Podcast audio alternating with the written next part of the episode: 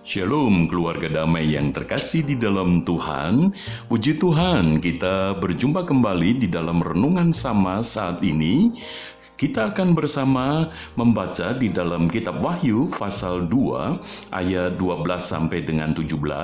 Namun saya tidak membacakan keseluruhan, saya hanya membaca di dalam ayat 16 dan 17 demikian.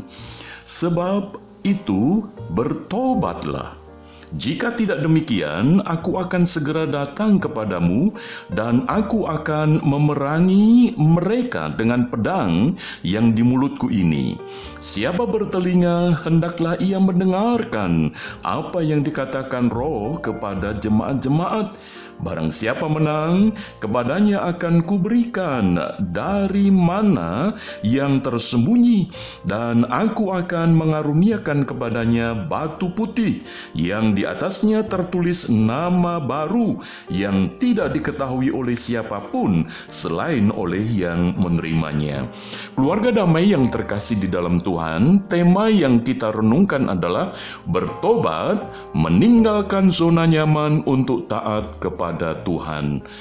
Keluarga damai yang terkasih di dalam Tuhan, jemaat Pergamus merupakan salah satu jemaat yang diberikan firman Tuhan di dalam kitab Wahyu ini, yaitu satu teguran ilahi, di mana jemaat Pergamus ini merupakan jemaat yang kebanyakan orang-orang Yahudi yang percaya kepada Tuhan Yesus. Mereka hidup di sebuah kota yang bernama Pergamus. Kota ini terletak di puncak gunung Pergamus. Keluarga damai yang terkasih di dalam Tuhan, meskipun mereka ini percaya kepada Tuhan Yesus, namun mereka juga memiliki kepercayaan kepada para dewa-dewa di mana mereka merasa nyaman ketika mereka memperlakukan Tuhan Yesus sama dengan para dewa-dewa yang mereka percayai, sehingga mereka selain menyembah kepada Kristus, mereka juga menyembah kepada para dewa-dewa. Dan inilah merupakan satu kehidupan iman yang sinkretisme, di mana percaya kepada Kristus sekaligus juga percaya kepada ajaran-ajaran kepada para dewa itu. Sebab mereka merasa bahwa ketika Tuhan Yesus menjadi Tuhan atas mereka, itu tidak cukup. Harus ada Tuhan-Tuhan yang lain, ilah-ilah yang lain, supaya mereka ini hidupnya itu berkecukupan, bahkan berkelimpahan secara ekonomi, secara kesehatan, secara kenyamanan, keamanan, dan sebagainya.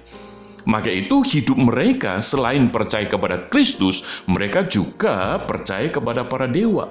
Maka itu di dalam ayat-ayat sebelumnya dikatakan, di dalam pasal yang kedua ini, di mana jemaat di Pergamus itu juga ada ajaran-ajaran Bileam.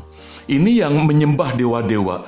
Dan kalau kita melihat di dalam kitab Bilangan, Biliam di sini adalah menunjukkan untuk setiap orang yang sebelumnya percaya kepada Tuhan Yesus, yang sebelumnya itu setia kepada Tuhan untuk menjadi tidak setia lagi. Lalu juga dikatakan ajaran Nikolaus, di mana dewa-dewa yang disembah oleh Nikolaus ini adalah dewa-dewa yang bisa memberikan kepuasan pada diri sendiri maka di situlah jemaat merasa nyaman untuk tetap memegang ajaran Bileam sekaligus Nikolaus. Maka itu Tuhan Yesus menyerukan kepada jemaat Pergamus, bertobatlah. Memang hidup mereka itu nyaman. Mereka memiliki zona nyaman. Ekonomi mereka lancar, pekerjaan mereka sukses, hidup mereka sehat, dan seterusnya. Tetapi sejatinya mereka merupakan orang-orang yang tidak taat kepada Tuhan, tidak setia kepada Tuhan. Mengapa? Karena mereka tidak mengandalkan Tuhan, mereka tidak menaruh harapan kepada Tuhan, tetapi mereka justru mengandalkan kepada dewa-dewa yang ada. Maka itu Tuhan Yesus menyerukan, bertobatlah. Jika tidak demikian, aku akan segera datang kepadamu, dan aku akan memerangi mereka dengan pedang yang keluar dari mulutku ini. Keluarga damai yang terkasih di dalam Tuhan, Firman Tuhan ini juga menjadi peringatan bagi kita. Mungkin pada saat ini kita merasa nyaman, ada zona nyaman di dalam diri kita, di mana kita selain percaya kepada Tuhan Yesus, kita juga percaya kepada hal-hal yang lain. Misalnya kepada dukun, kepada suhu, kepada orang-orang pinter. Kita percaya kepada ramalan-ramalan, feng shui, hong shui, dan seterusnya. Primbon-primbon dan seterusnya.